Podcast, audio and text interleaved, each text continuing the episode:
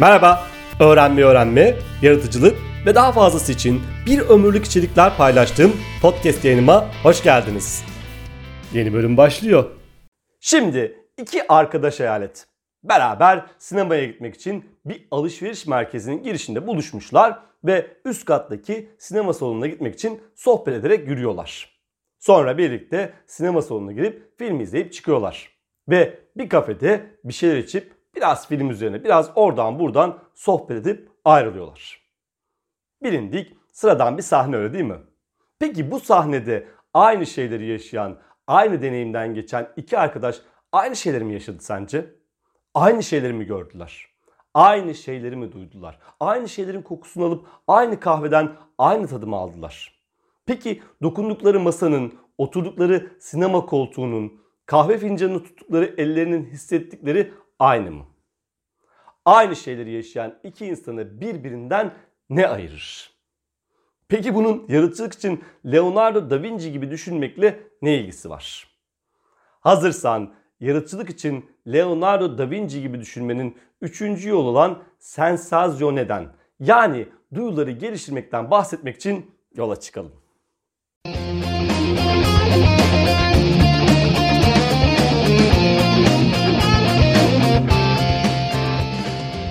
Öncelikle aynı şeyleri yaşayan iki insanı birbirinden neyin ayırdığı sorusuna cevap olarak iki temel şeyin altını çizerek başlamak istiyorum.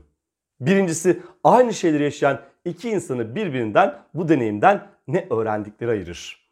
Çünkü hepimiz benzer hatta bazen aynı şeyleri yaşıyor ve farklı şeyler öğreniyoruz. Hatta bazıları hiçbir şey öğrenmiyor. Oysa yaşama anlamını veren şey yaşadıklarımızdan öğrendiklerimizdir. Aynı şeyleri yaşayan iki insanı birbirinden ayıran ikinci şey ise bu deneyimi ne kadar canlı ve fark ederek yaşadıklarıdır. Yaşadıklarımızı daha kaliteli hale getiren onları canlı ve farkında olarak yaşamamızdır. Aynı yolda yürüyen iki insan aynı şeyleri görmez. Aynı şeyleri duymaz, aynı kokuları hissetmez ve hatta bazıları yolda yürür ama hiçbir şey duyumsamaz. Oysa daha fazla yaratıcılık için yaşamı daha canlı bir şekilde deneyimlemeliyiz. İşte Leonardo da Vinci için bu sensazyoneyi yani duyuları geliştirmeyi ifade ediyor. Leonardo da Vinci için sensasyone deneyime canlılık katmanın bir yol olarak duyuların özellikle görme duyusunun sürekli geliştirilmesidir diyor David Cox. İlk iki videoda anlatmıştım. Bu tanımlar yaratıcılık konusunda bir uzman olan Michael Gelb'e ait. Kendisi Leonardo'nun eşsiz zihnini anlamak için onun hayatının örüntülerini takip etmeye karar vermiş ve Leonardo da Vinci'nin günlük rutininin harfiyen izlemiş bir kişi. Yaratıcı Düşünme kitabında David Cox, Gelb'in Leonardo'nun günlük rutinlerini taklit etmeye çalışarak Leonardo'nun ayak izlerini takip ettiğini söylüyor.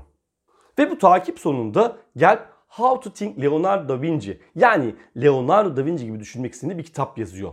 Ve bu kitapta Leonardo da Vinci'nin yaşama bakışının vazgeçilmezleri olduğunu söylediği 7 prensip tanımlıyor.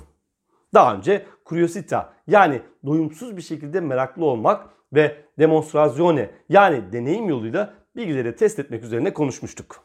Bugün üçüncü prensiple devam ediyoruz. Leonardo deneyim yoluyla bilgiyi test etmek demek olan demonstrazione kavramını en iyi şekilde duyularımız aracılığıyla uygulayabileceğimize inanmıştır. Ve görme duyusunun önemini özellikle vurgulamıştır. Bu yüzden Leonardo'nun hem sanattaki hem de bilimdeki dayanaklarından olan mottolarından biri saper vedere'dir. Bu nasıl göreceğini bilmek anlamına gelir. Bakıyorsun ama neyi ne kadar görüyorsun? Dokunuyorsun ama neyi ne kadar hissediyorsun? Derin bir nefes alıyorsun ancak aldığın havanın içindeki kokuların ne kadarının farkındasın? Duyuyorsun ama çevrendeki seslerin ne kadarını dinliyor, ne kadarını fark ediyorsun? Dilinde hangi tatlar var? Hangi tatları ayırt edebiliyorsun?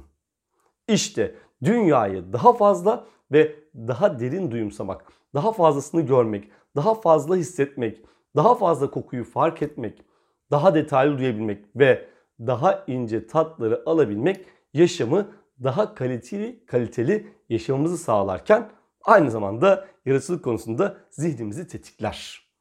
Üstelik dünyayı duyumsama becerimizi geliştirebiliriz. Leonardo'nun izinden giderek duyuları geliştirmek için sana David Cox'un Yaratıcı Düşünme kitabından bazı alıştırmalar önereceğim. Öncelikle görme deneyimini zenginleştirmek için şunları yapabilirsin. 1. Yaşadığın herhangi bir deneyimin ayrıntılı bir şekilde tarifini yaz. Diyelim ki bir gün doğumunu izledin. Bu deneyimi bir deftere yaz. O esnada nerede olduğunu, nasıl bir ruh hali içinde bulunduğunu ve olay ortaya çıkınca ruh halinin nasıl değiştiğini not al. Hangi renklerin gözüne çarptığını kaydet. Neler gördün? Sonunda nasıl hissettin? Bu soruların cevaplarını yazarken mümkün olduğunca canlı ve gerçek bir anlatım kullan. Daha sonraki bir tarihte yazdıklarını tekrar oku ve bu yaşadığın olayın senin üzerinde nasıl bir etkiye sahip olduğunu gör. Gelelim koku alma deneyimini zenginleştirmeye. Kokular çok enteresan. Kokular zihnimizde derin izler bırakan, çağrışım yaratan ve bir şeyleri anımsamamızı sağlayan en etki duyularımızın kaynağıdır. Hayatımıza görme duyusu kadar çok nüfuz eder. Koku alma duyusunu sadece bir koku özellikle iyi ya da kötü olduğu zaman bilinçli olarak kullanarak onu arka planda bir role indirgemek kolaydır. Bu yüzden bir alıştırma olarak bir kokuyu mümkün olduğunca ayrıntılı bir şekilde tarif etmeye çalışmak gerekir. Bunun için bir, kokunun en küçük unsurunu ve en büyük etkisini yakalamayı hedeflemelisin. Bu koku sana bir olayı ya da deneyimi hatırlattı mı? Bu koku özel bir duyguyu ortaya çıkardı mı?